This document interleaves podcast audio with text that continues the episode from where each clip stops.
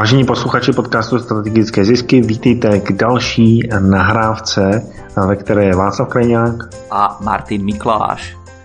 A Martin má dneska pro vás opravdu zajímavé téma. Teda zajímavé, pokud podnikáte, protože se týká toho vyvrcholení toho podnikání. To je to, že postavíte firmu, ta firma funguje, ideálně samozřejmě, a potom vám za ní někdo dá peníze. Kdo by to nechtěl? Martine, o čem to téma bude konkrétně? tak, na začiatku roka sme mali návod na to, ako nakupovať firmy. Možno v posledných mesiacoch sme mali trošku návod na to, ako deliť firmy. No a dneska to bude návod na to, ako firmu predať v piatich krokoch. Super, tak jsem na to uh, hodně zvědavý. Uh, Martine, uh, my jsme se slyšeli před týdnem, co je u tebe od uh, té doby nového? Ty jsi se vrátil předtím z Anglie a teď už zase normálně funguješ, pracuješ, asi teda, doufám, přemýšlím. No jasné. Pracujem, konzultujem, tento týždeň sa uh, zase nejaké novinky rozbehli No a jedna z tých noviniek bola práve po tom našom podcaste, ktorá sa odohrala po nahrávaní a to je to, že mi klient volal práve e, takou otázkou, že došiel investor, že by rád e, kúpil, získal časť jeho firmy alebo niečo takéto. No a pretože je to vec, ktorú on ešte predtým neriešil a je to prvá firma, ktorú v živote predáva, no a pretože chce potom odísť na dôchodok, tak je otázne, že či ešte potom nejaké firmy ďalšie bude rozbiehať. A pretože sme sa o tom bavili tento týždeň, tak som si povedal, že to je dobrý námed na podcast, tie veci, o ktorých sme sa bavili, pretože sú nejaké tie všeobecné princípy, všeobecné postupy a to by som rád dneska zdieľal v tom podcaste, nech potom, keď budem s niekým konzultovať v budúcnosti presne na túto tému, mu môžeme poslať tú nahrávku a nech sa môžeme pozrieť na tú jeho konkrétnu situáciu tam, kde sa nachádza. OK. A za ten poslední týden, co si konzultoval, měl jsi tam nějaký aha moment, který ti skáče do hlavy, jakože buď u klienta nebo u tebe v tvém podnikání? Nejaký aha moment, to bolo skôr taká, nazvime to, trošku negatívna skúsenosť s tým, že technika nefungovala tak, ako mala. Takže našťastie Václav došiel na záchranu a, a, potom síce aj... aj... Po, po, povídej konkrétnejšie, si môžeš. Uh, tak konkrétnejšie až, až tak moc nechcem hovoriť o tejto téme, o tom, čo aj ako nefunguje, ale Václav ako, ako správny digitálny marketér vyriešil nejaké veci, uh, ktoré, ktoré technicky nefungovali na tom internete. Takže okay. máš pochvalu Super. za tento týždeň. tak to je krásný. Uh, tak přátelé, uh, já to teda řeknu. Řešili jsme posílání e-mailů a to, jak vlastně nastavit DNS záznamy pro to, aby ty e-maily byly doručené. A doručitelnost e-mailů je jednorázová věc, kterou můžete zlepšit tím, že ve svých DNS záznamech nastavíte dva, dva záznamy. Jeden je DK, DKIM, to je podpis domény, a druhý je ještě si neřezejte krk.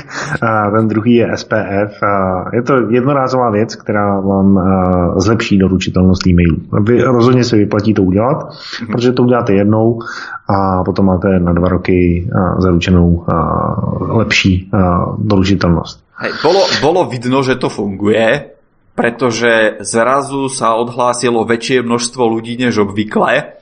To znamená, že to je pre mňa odozva, že áno, tie e-mail, e-maily fungujú, doručujú sa, no a je mi jasné, že keď som to mal zle nastavené a nejaký čas to nefungovalo a teraz to zrazu začalo fungovať a niekto dostal e-mail, ktoré predtým nevidel alebo nedostával, tak si hovoril, aha, čo to je a odhlásil sa. Hej, takže na tie presné čísla som nepozeral, ale mám taký pocit, že naozaj e, ľudia si tie maily prečítali, naozaj sa to doručilo a naozaj to malo veľký vplyv na fungovať a doručovanie e-mailov. Já jenom řeknu, že e, o e-mailech, tak e, já e, budu psát na svém blogu, protože i lidí jsem se ptal, co by je v e-mail marketingu zajímalo, takže je možný, že na tohle téma určitě natočíme ještě nějaký podcast, protože nezodpovím na všechny otázky na blogu. Pokud vás zajímá něco k e-mailu, tak nám napište na Václav nebo Martin zavináč strategické zisky.cz nebo jděte na strategické zisky.cz a napište tam komentář. To je jedna věc, kterou jsme teda vyřešili u Martina. Já řeknu, že ve čtvrtek jsem měl hodinovou přednášku, která trvala hodinu a čtvrt pro makléře a bavili jsme se tam o marketingu. A když to zjednoduším pro vás, tady jako pro posluchače a vezmu to nejdůležitější, tak marketing jsou v podstatě tři kroky, tři P. Z mýho pohledu, možná mi dáš na to nějakou zpětnou vazbu, ale tak s tím teď aktuálně pracuju. První P je publikum, druhý P je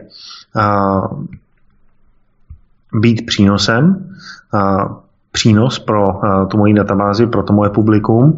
A třetí je potom věc prodávat. Pokud vy děláte marketing, který dokáže získat od lidí zakázky, poptávky, objednávky, tak se rozhodně vyplatí posílat prodejní nabídky. Takže tři části, které, bychom, které byste ve svém marketingu měli dělat. Publikum, být přínosem a, a prodávat. Když to budete dělat, tak budete mít výsledky. Hmm. Tak nemuseli jste teda zaplatit 2000 korun a jet do Prahy, abyste to slyšeli, ale v našem podcastu to slyšíte zdarma. Tak, Pojďme tedy každopádně na to téma dnešního podcastu a tím je prodej firmy. Jenom eh, řeknu nějakou svoji zkušenost, předtím, než se pustíme do těch pěti kroků, který si Martin připravil. Já řeknu, že my jsme v roce 2005 rozjížděli e-shop Filmopolis, kde jsme prodávali DVDčka. A v roce 2008, když to začalo mezi náma jako majitelema skřípat, a byli jsme tři, tak jsme se bavili o tom, že bychom to prodali. Šli jsme za nějakým investorem, aby nám na to dal nějakou zpětnou vazbu. Ten investor nám řekl, no já to od vás nekoupím, a je potřeba udělat v té firmě tohleto a tohleto, aby to začalo fungovat. A potom jsme se bavili s firmou, která se specializuje na prodej firm a tam nám řekli, ale ještě to není na prodej úplně připravený, protože ta firma nefunguje bez vás jako majitelů. Takže z toho jsme si dali nějakou zpětnou vazbu a zpracovali jsme ji. No a ta firma je teď krachla, takže my jsme ji neprodali. Takže nemám pro vás tu zkušenost, ale prodal jsem firmu a udějte to takhle. Každopádně, Martine, prodej firmy Děje se to, určitě. Děje se to v nějakých případech. Z jakých důvodů člověk může vlastně jakoby koupit firmu nebo prodat firmu, jenom aby jsme dali nějaký rámec pro naše posluchače, jestli to jejich podnikání je zralý na prodej nebo, nebo vůbec není. Jasné. Tak začneme troška z väčšej výšky a tá väčšia výška je príprava firmy na exit stratégiu. A teraz tá exit stratégia môže byť akákoľvek. Exit znamená po anglicky východ alebo únik, to znamená, že ten majiteľ chce nejakým spôsobom buď seba oddeliť z firmy alebo seba oddeliť z nejakého rozhodovania alebo z niečoho takéhoto. Takže tá exit stratégia e, sa deje vtedy, keď napríklad niekto chce odísť do dôchodku keď príde nejaký investor a povie, my máme záujem o zainvestovať do tej vašej firmy, vy vďaka tomu rýchlejšie vyrastiete a môžete nám efektívnejšie dodávať. Takže tam môže byť nejaká synergia potom. Alebo potom odpredaj nejakej časti firmy. Napríklad máte, vymyslím si, veľmi dobré marketingové oddelenie a to marketingové oddelenie samo o sebe má nejakú vysokú cenu a príde nejaký investor, vy si to viete sami vybudovať znova a povie, my máme záujem len o to marketingové oddelenie alebo len o tú výrobnú halu a nejakým spôsobom získate peniažky z tohto. Takže to, sú, to je taká najčastejšia najčastejší spôsob exit stratégie, kedy vy to odpredáte a získate peniažky. No a potom sú ešte ďalšie nejaké exit stratégie, na ktoré dneska vlastne čiastočne narazíme a to je napríklad ukončenie činnosti celej tej firmy. To znamená, že vy sa rozhodnete, že firmu nechcete odpredať, alebo nemôžete, alebo ste nenašli nejakého vhodného investora a jednoducho za tú svoju existenciu firma vytvorila nejaký zisk, vy si peňažky, čo ostanú po ukončení firmy a zatvorení firmy necháte, ej, ľuďom dáte odstupné a tak ďalej. A to je, to je tiež taká nejaká možnosť exit stratégie. Takže, no, ano. Určitě, určitě je potřeba říct, eh, že vlastně se tady bavíme o firmách. A určitě to nefunguje tak, že by eh, živnostník, který třeba dělá sám na sebe, a to svoje podnikání vzal a mohl ho někomu prodat. Hmm. Pokud by to nebylo eh, takový to podnikání typu třeba mám nájemní dům, mám v něm nájemce, pro mě je to podnikání a vydělává mi to měsíčně, ročně nějaký peníze. Nebo mám třeba pračky, v Plzni mám tam 10 praček, lidi tam chodí, já to jednou měsíčně, jednou týdně, jednou denně kontroluju a vygeneruje to mi to z toho nějaký peníze. Už to nechci dělat a hledám někoho, komu bych to prodal a podílím se na ten výnos. Vím, že můj kamarád Tomáš Kučera jeden z těchto těch případů řešil. Konkrétně šlo o nájemní dům v Praze, který se prodával za nějakou částku a desítky milionů to byly. A tam to bylo právě o tom, že se na tu nemovitost ten nový majitel i ten stávající majitel dívali právě jako na podnikání. Dívali se tam potom, jaký jsou tam náklady, jaký jsou tam výnosy a jaká je návratnost té investice. Takže Můžete se na svý podnikání určitě podívat taky jako na nějaký dům, který postavíte a potom v určitý moment si řeknete, tyjo, ten dům už mě nebaví, nebo chtěl bych se přestěhovat, komu bych ten dům mohl prodat. Rozhodně to asi neprodáte hned, ale určitě se vyplatí s dostatečným časovým předstihem o tom začít přemýšlet a připravovat ten svůj dům, tu svoji firmu na ten exit. A ta příprava může být to, že zametete, to, že spravíte účetnictví, to, že si odnesete své věci, všechny tyhle ty prkodinky, ale to nejdůležitější je potom najít toho správného kupce, z mého pohledu. Každopádně, teď jsme se na to podívali z toho velkého pohledu, jak, by, jak by sme pokračovali? Jak by sme pokračovali? Tak povedzme si tie tých 5 krokov, aby sme vedeli, o čom sa dneska budeme rozprávať. Takže ten krok 0 je taký, že niekto za vami príde a povie, no počuj Pepo Franto, alebo dobrý deň prajem, my sme z takej a takej skupiny a máme záujem pridať do nej tú, tú vašu firmu. Takže ten krok 0 je, že niekto za vami príde. O tomto prípade sa dneska bavíme. Ten krok číslo 1 je, musíme sa porozprávať o tom, čo si ľudia kupujú, čo má hodnotu na tej vašej firme, to už e, Václav začal naznačovať. Krok 2 je, aby ste porozmýšľali s tým, že s kým všetkým sa budete musieť poradiť, kým sa dostanete k tým ďalším krokom. Krok 3 je, aby ste si zistili hodnotu tej vašej firmy, akú hodnotu napríklad má pre vás v momente, keby ste ju napríklad nepredali. Krok 4 jednajte o nejakej predajnej cene, no a krok 5 je samotný podpis predajnej zmluvy. Takže pustíme sa rovno do toho?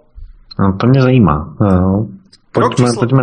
Hej, krok hej. číslo nula. Krok, to krok, zajímá nejvíc. Poš, pošli, pošle mi někoho, kdo koupí naše firmy. Aha, dobre.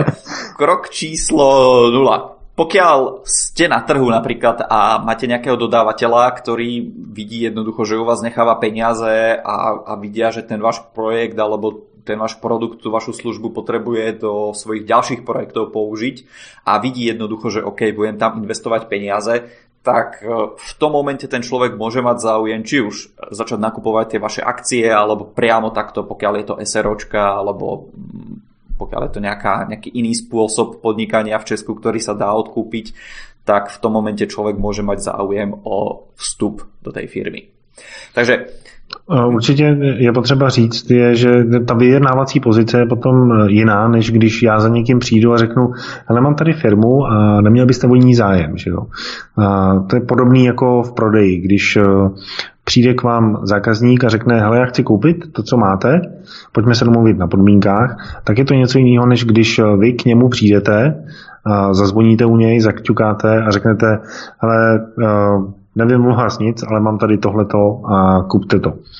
A, takže a, to, když ten investor přijde a má zájem koupit tu firmu mojí, tak to může být na základě tohohle vztahu, že už se známe nějakou dobu, anebo že oni nás pozorují zvenku, jak třeba podnikáme, jak to děláme, a potom se rozhodnou, že mm, uvidí v té naší firmě přidanou hodnotu a, a, a osloví nás. Dobre, takže čo, čo si tí ľudia kupujú? V prvom rade to, čo je najčastejšie alebo najzaujímavejšie na firmách, tak to sú nejaké procesy. To znamená, že vy viete, ako najefektívnejšie vyrobiť napríklad počítač, alebo sluchátka, alebo čokoľvek.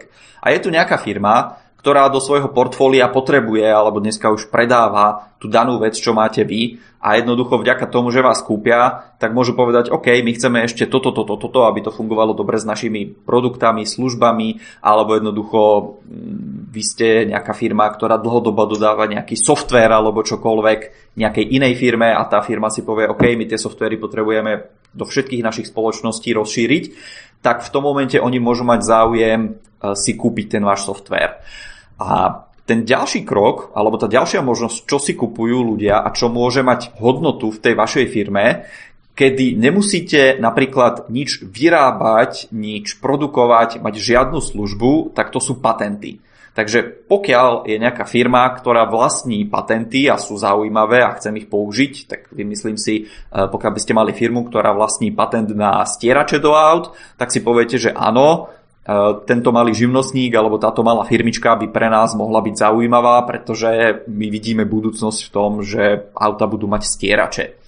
Ďalšia taká vec, ktorú si ľudia môžu kupovať, tak to je nejaké know-how. Tak to si môžete predstaviť v tom momente, že máte reklamnú agentúru, marketingovú alebo nejakú konzultačnú a tí ľudia, čo k vám prídu, tak vidia tie výsledky. Jednoducho to okolie vidí, že niekto k vám prišiel, vy ste spravili reklamu nejakú, a to je jedno teraz, či je to na Facebooku alebo na billboarde, e, v nejakom časopise, v električke, v lietadle alebo e, na Google vyhľadávaní SEO, čokoľvek. Jednoducho, pokiaľ tie ľudia vidia, že vy máte to know-how, vy posúvate ľudí ďalej, tak to môže byť zase ďalšia zaujímavá investičná príležitosť.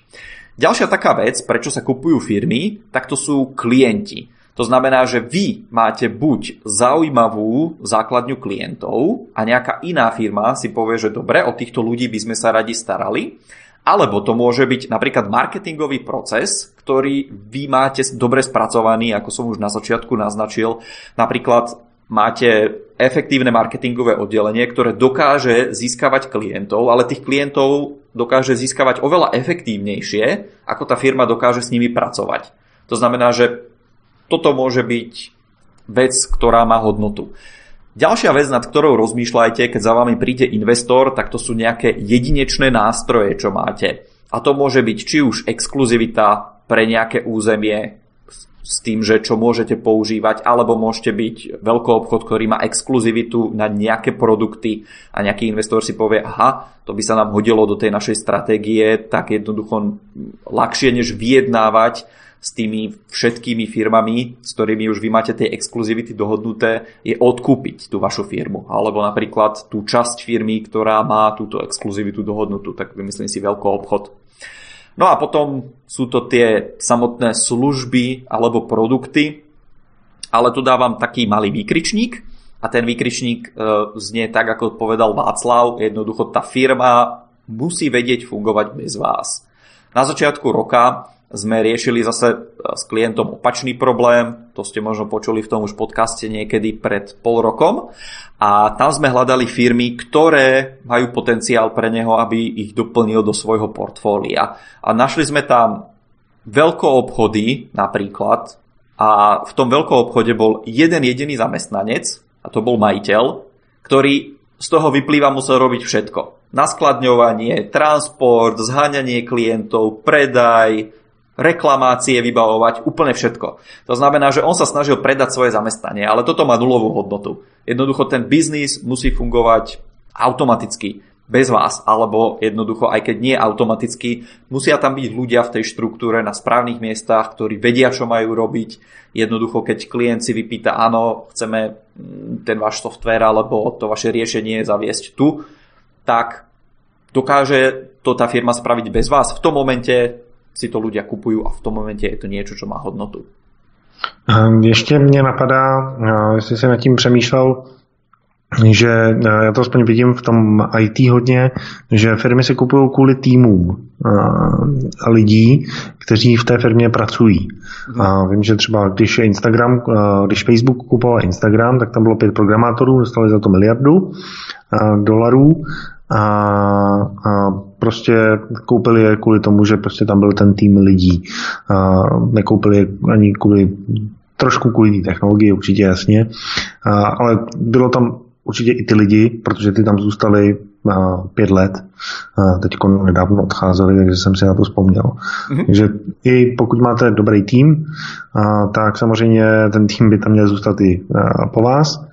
A, nebo pokud vy jste součástí toho týmu, tak se samozřejmě můžete prodat s nimi.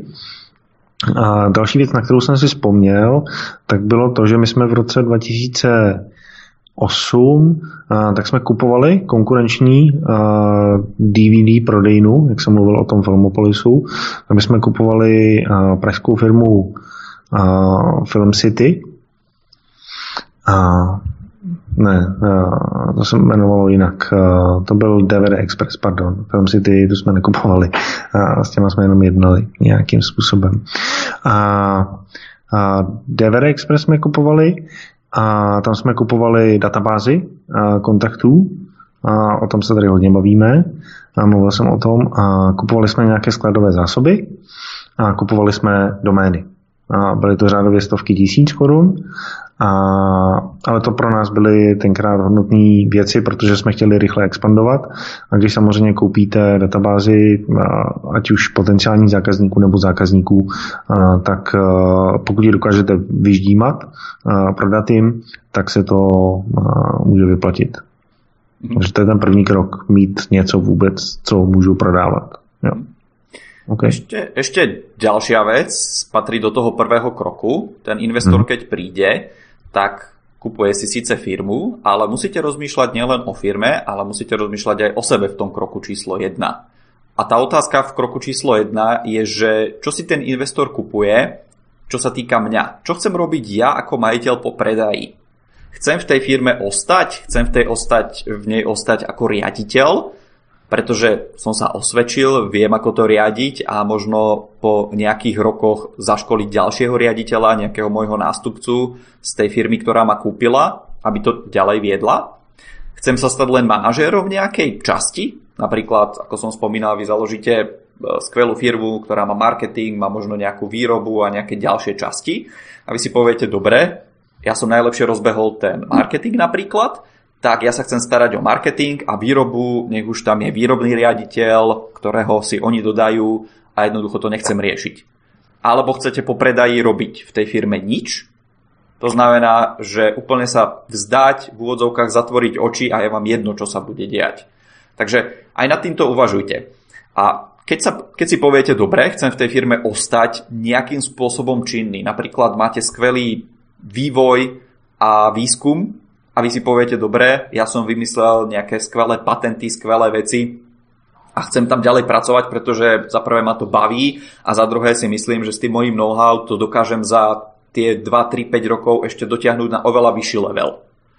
A teraz nerozmýšľajte o tom, že a ako to ovplyvní predajnú hodnotu firmy, alebo jednoducho ja nechcem zarobiť niekomu inému. O tom to teraz nie. To je teraz úplne iná otázka, k tomu sa dostaneme v ďalších krokoch. Teraz ide o to, že pokiaľ vy si poviete áno, chcem toho investora, tie jeho peniaze mi pomôžu postaviť novú halu alebo postaviť nové výskumné centrum, tak áno, mne sa to hodí do toho môjho plánu, chcem, ja, chcem byť, ja chcem byť ten výskumník a jednoducho tú výrobu už nech si riadi niekto iný. V tomto momente si musíte ale uvedomiť ďalšiu vec, ktorá z toho vyplýva. Vy, bez ohľadu na to, akú pozíciu si zvolíte vo firme a poviete si, že tam ostávate, tak tá firma, ktorá vás nakupuje, má nejakú firemnú kultúru.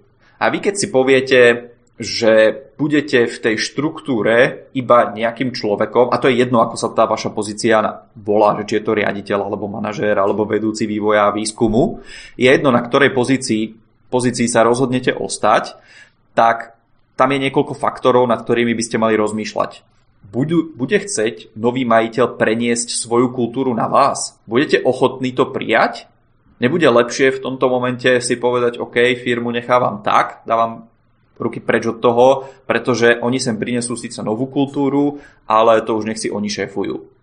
Ďalšia vec, zase bez ohľadu na to, akú pozíciu si necháte vo firme, je rozhodovanie. Vy, vy ste síce riaditeľ a vy ste síce ten človek, ktorý vedie tú nejakú miestnu pobočku, to nazvime, ale pokiaľ je to firma, ktorá je z Nemecka, Francúzska, z Ameriky alebo neviem, z Japonska, môže sa stať taká vec, že vás bude mať na starosti nejaký človek zo zahraničia a jeho cieľom bude, aby si vybudoval svoj vlastný tím vo svojej krajine. To znamená, že môže sa stať, že vás postupne začne odsúvať na druhú kolaj. A to sa nemusí stať e, s manažmentom, ktorý je v inej krajine, to sa môže stať aj s manažmentom, ktorý je v rovnakom meste. Pretože príde človek, ktorý bude vám nadradený po tom kúpe, po tej kúpe alebo po tom predaji a jednoducho bude to chceť takýmto spôsobom robiť. Ďalej sa môže stať to, že teraz vy si vymyslíte, že aha, my by sme mohli pracovať v tom výskume na tomto projekte. To je síce pekné na strane jednej, ale na strane druhej sa môže stať, že s tou novou štruktúrou, ktorá tam pribudne a s tým novým majiteľom, to bude musieť prejsť nejakým procesom schvalovania. A to je ďalšia otázka. Ste ochotní na tomto pracovať? Takže to by bol ten krok číslo 1. Čo si kupujú a aká bude vaša úloha a aké budú tie vaše očakávania z tej novej firmy ohľadne kultúry, vašej práce, vašich právomocí. Jo, tam určitě ta vaše, ten váš budoucí vliv má i vliv na cenu výchozí, teda potom finální při tom, při tom prodeji. Když ten nový majitel bude chtít, aby ta vaše firma pokračovala a vy tam nebudete chtít být, tak samozřejmě to pro něj snižuje, zvyšuje riziko a tudíž eh, za to dá méně peněz. Naopak, eh, když vy tam zůstanete, eh, tak má jistotu výnosu, pokud je ta vaše firma zisková. A, a je tam to riziko, že třeba si nebudete kulturně sedět, tak jak říkal Martin. Super, super. A pojďme na ten další krok, nebo ještě něco k tomu? Ešte sa vrátime k nejakým tým veciam, ale to už súvisí s cenou, to znamená, že o tom sa budeme baviť v tých ďalších krokoch. Ale teraz je na rade tá dvojka. A tá dvojka znie takto. Poraďte sa. A teraz nie, že by som sa chcel chváliť, ale v lete jen sa pochvál, jen sa za mnou došiel jeden človek a bavili sme sa o nejakej takejto situácii a ja som mu povedal svoj názor, že dopadne to takto a takto si to predstavujem z, z nejakých minulých skúseností a, a z toho, čo som vedel. A tam sme sa bavili povedzme o ročnom obrate firmy rozdiel. Čo pri, pri nejakom kúpe, predaji alebo delení firmy už môže byť celkom zaujímavá čiastka. A dopadlo to v prospech toho môjho klienta tak, ako, ako som mu poradil.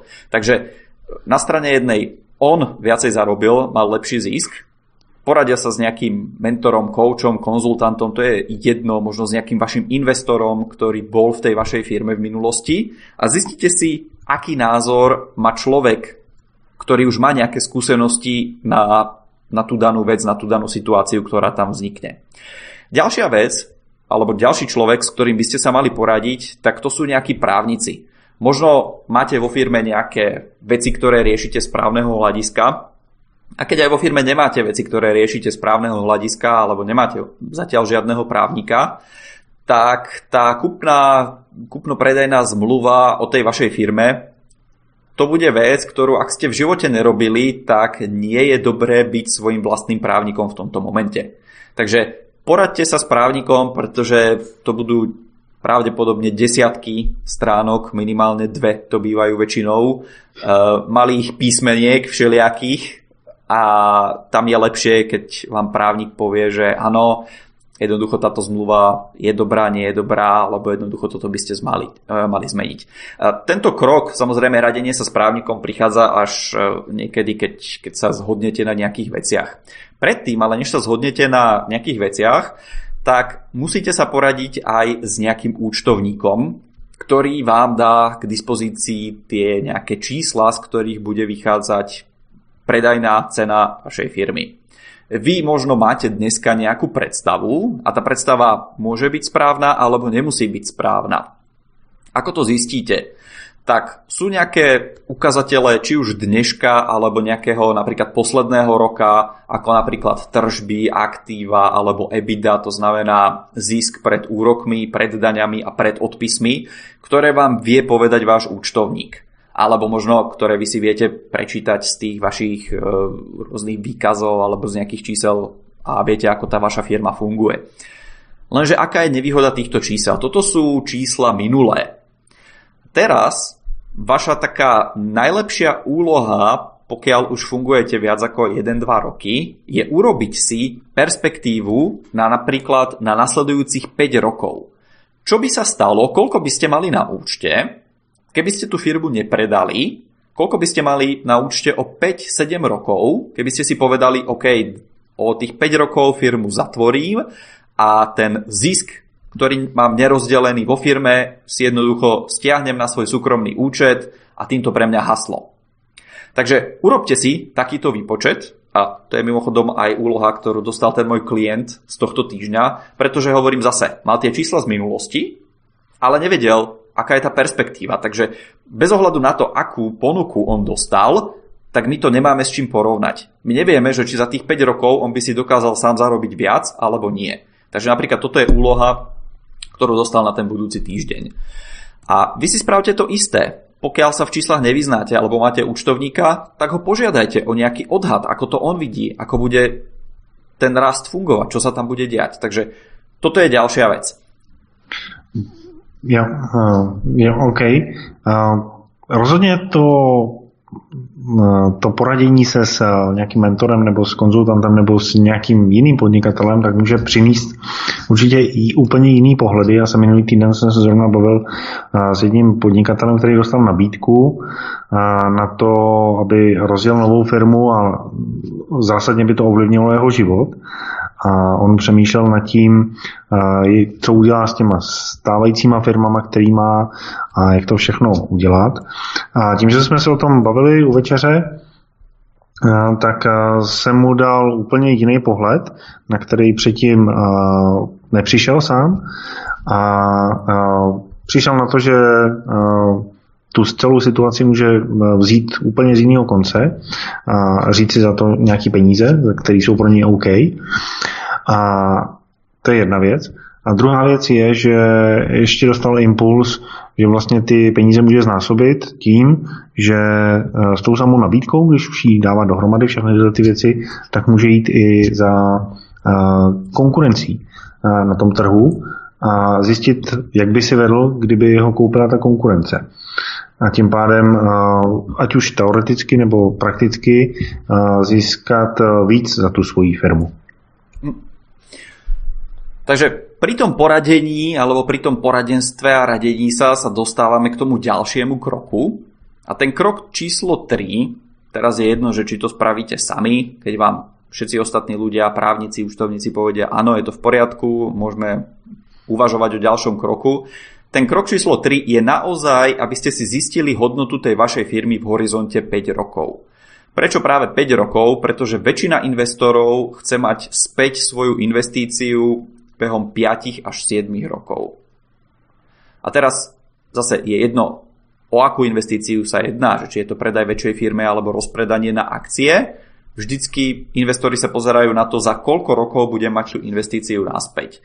A môže sa stať, že oni sa z toho, na to pozerajú buď z toho dnešného pohľadu, to znamená, že oni sa pozrú, OK, minulý rok ste si vyplatili milión, tak ja neviem, za 5 rokov by to malo byť 5 miliónov, to znamená, že vám navrhnú 5 miliónov.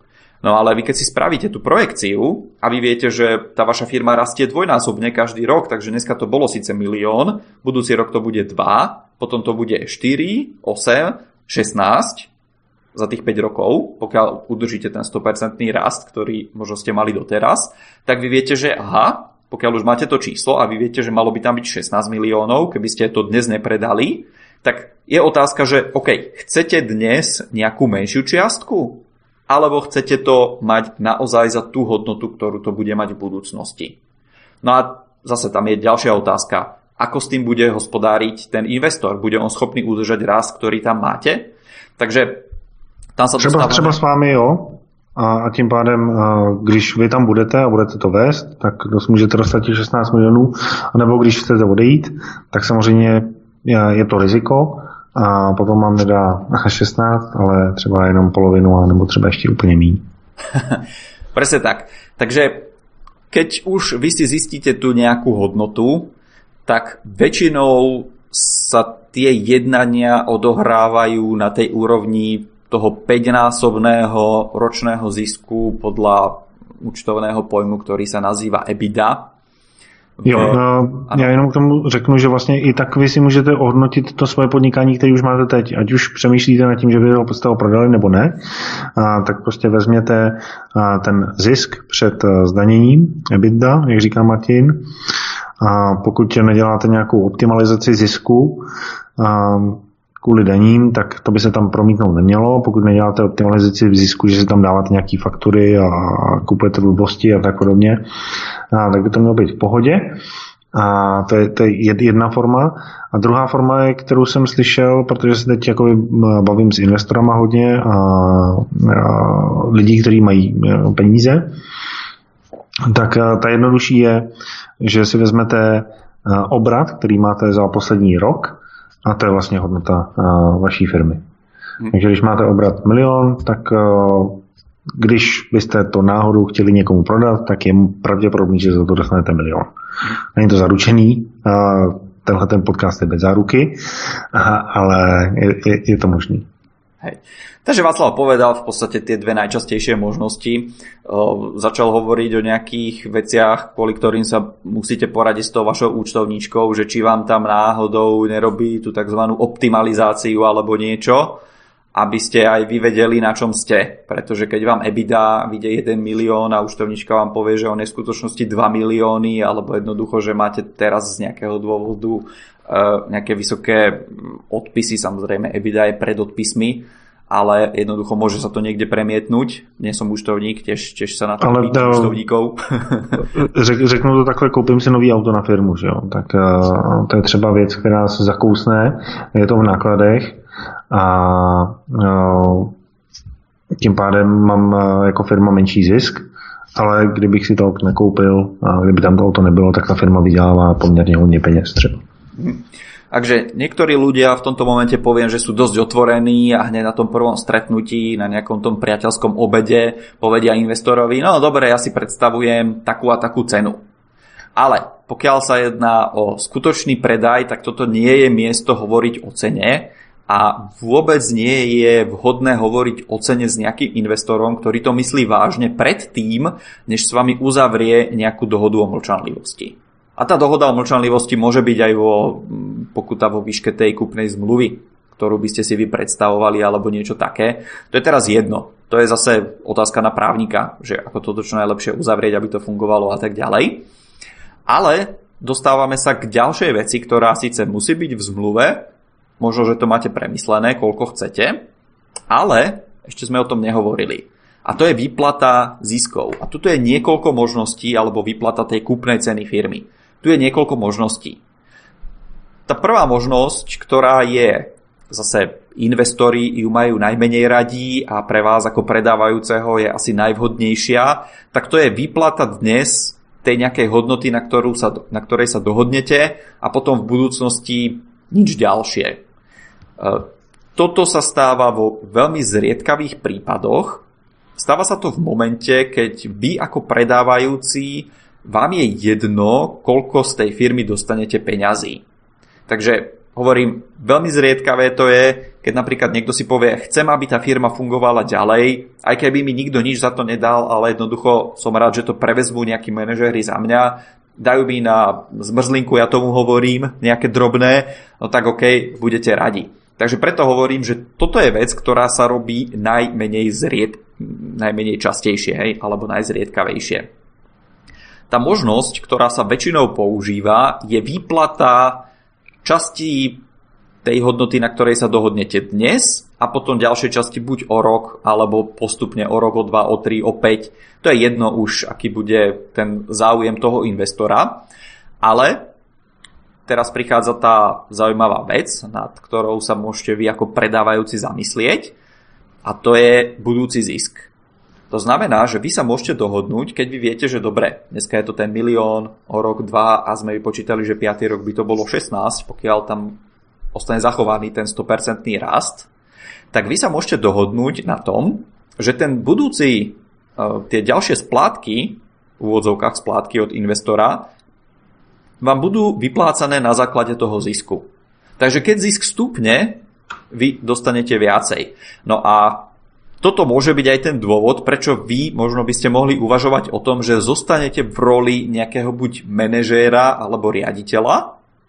A v tom momente vy pokiaľ ste si istí s tým, že čo ste doteraz vybudovali, že to bude rásť bez ohľadu na to, akú kultúru použijú alebo bez ohľadu na to, v akej štruktúre skončíte, tak čo je na tom zaujímavé, že aj tá vaša odmena môže byť o stovky percent vyššia, než keď si vyberiete výplatu dneska alebo výplatu v budúcnosti nejakej fixnej čiastky. Určitě je potřeba říct, ale že tam jdete do určitého rizika. Minimálně dva příklady mi teď skočily do hlavy, kdy majitel prodal svoji firmu nějakému jinému majiteli a očekával, že mu bude platit a světe se, on mu potom neplatil. Jo, takže vždycky, co, se doma, co je doma, to se, to se počítá a, sliby jsou jako fajn, ale potom ta jejich vymahatelnost těch slibů je samozřejmě problematická. Obzvlášť pokud je to právě takhle vázané na, na výkon té firmy, protože tam se dá najít spousta kliček, který vás o ty peníze můžou připravit.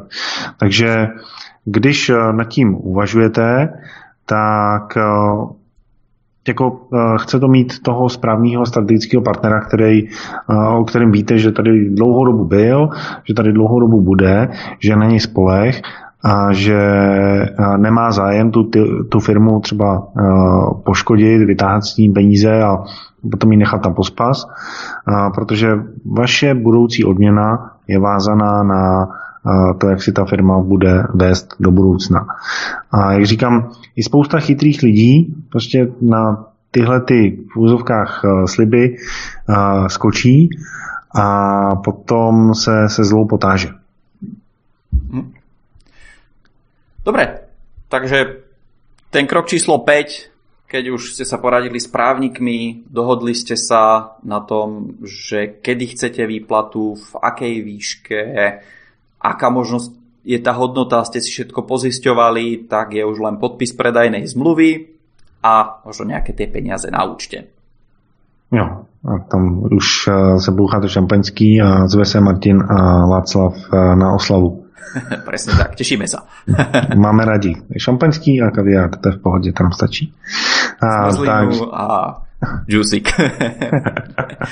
a, takže, a, přátelé, a, Bavili jsme se o tom, jak eh, uvažovat nad tím, že byste mohli svoji firmu prodat, pokud eh, se na vás někdo obrátí, nebo pokud už teď firmu máte, tak eh, jak třeba si podívat na to, hm, co byste s ní mohli dělat. Jo?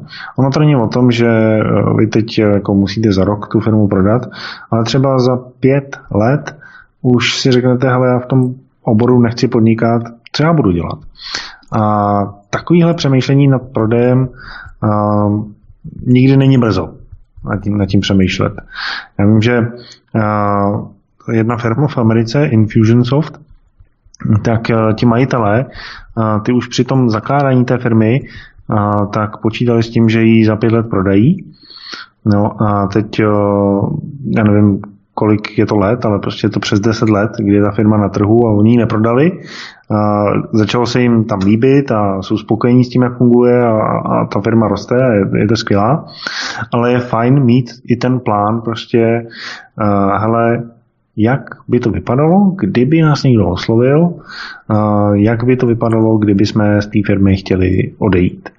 A uh, Třeba vás to může motivovat k tomu, že uděláte firmu, kterou eh, člověk koupí za 100 milionů za 3-4 roky a řeknete si, tohle je náš cíl, tam směřujeme a co pro to musíme udělat, aby se tohle dostalo.